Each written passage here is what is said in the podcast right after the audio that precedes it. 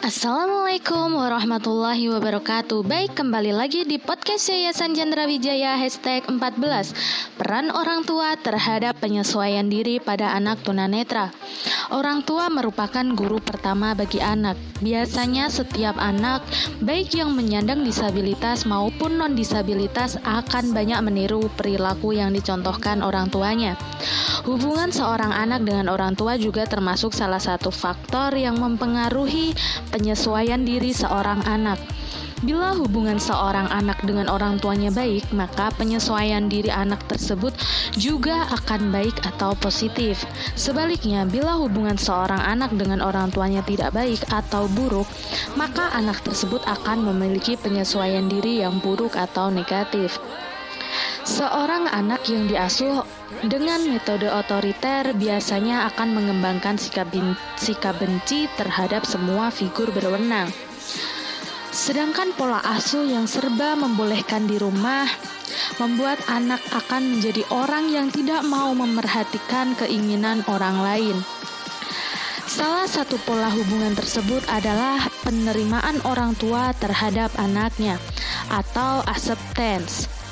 Penerimaan orang tua terhadap anak atau acceptance merupakan pola hubungan orang tua dengan anak yang menerima kehadiran anaknya apa adanya dengan ikhlas dan dengan cara-cara yang baik. Sikap penerimaan dari orang tua yang baik dapat menimbulkan suasana hangat, menyenangkan, dan rasa aman bagi anak. Selanjutnya, kondisi-kondisi hubungan anak dengan orang tua yang baik akan berimbas pada penyesuaian diri seorang anak yang baik pula. Hal ini berarti bahwa penerimaan orang tua terhadap kondisi tunanetra yang dialami oleh anaknya merupakan salah satu faktor yang penting bagi penyesuaian diri anak tunanetra tersebut.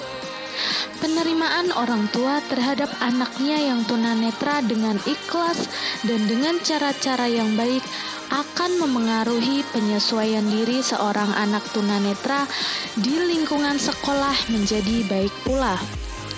Jika orang tua menerima keadaan anaknya dengan sepenuh hati, maka orang tua dapat menguatkan dan memberi pengertian kepada anak terkait keadaannya dan membantu anak untuk menerima diri sendiri. Dengan demikian, rasa percaya diri anak akan tumbuh dengan baik dan hal ini adalah modal yang baik pula untuk anak melakukan sosialisasi di lingkungan yang baru tanpa harus minder karena disabilitas yang disandangnya. Hal ini terjadi juga terhadap binaan Yayasan Chandra Wijaya, di mana seorang ibu bernama Ibu Sumarah mengasuh seorang anak yang bernama Nisa tanpa seorang ayah dengan kondisi tunanetra. Namun ia bersyukur bahwa dia mampu membesarkan anaknya hingga tumbuh dewasa dan menjadi anak yang pintar serta berbakti kepada orang tuanya. Demikian podcast yayasan untuk kali ini dan sampai jumpa di podcast selanjutnya ya. Wassalamualaikum warahmatullahi wabarakatuh.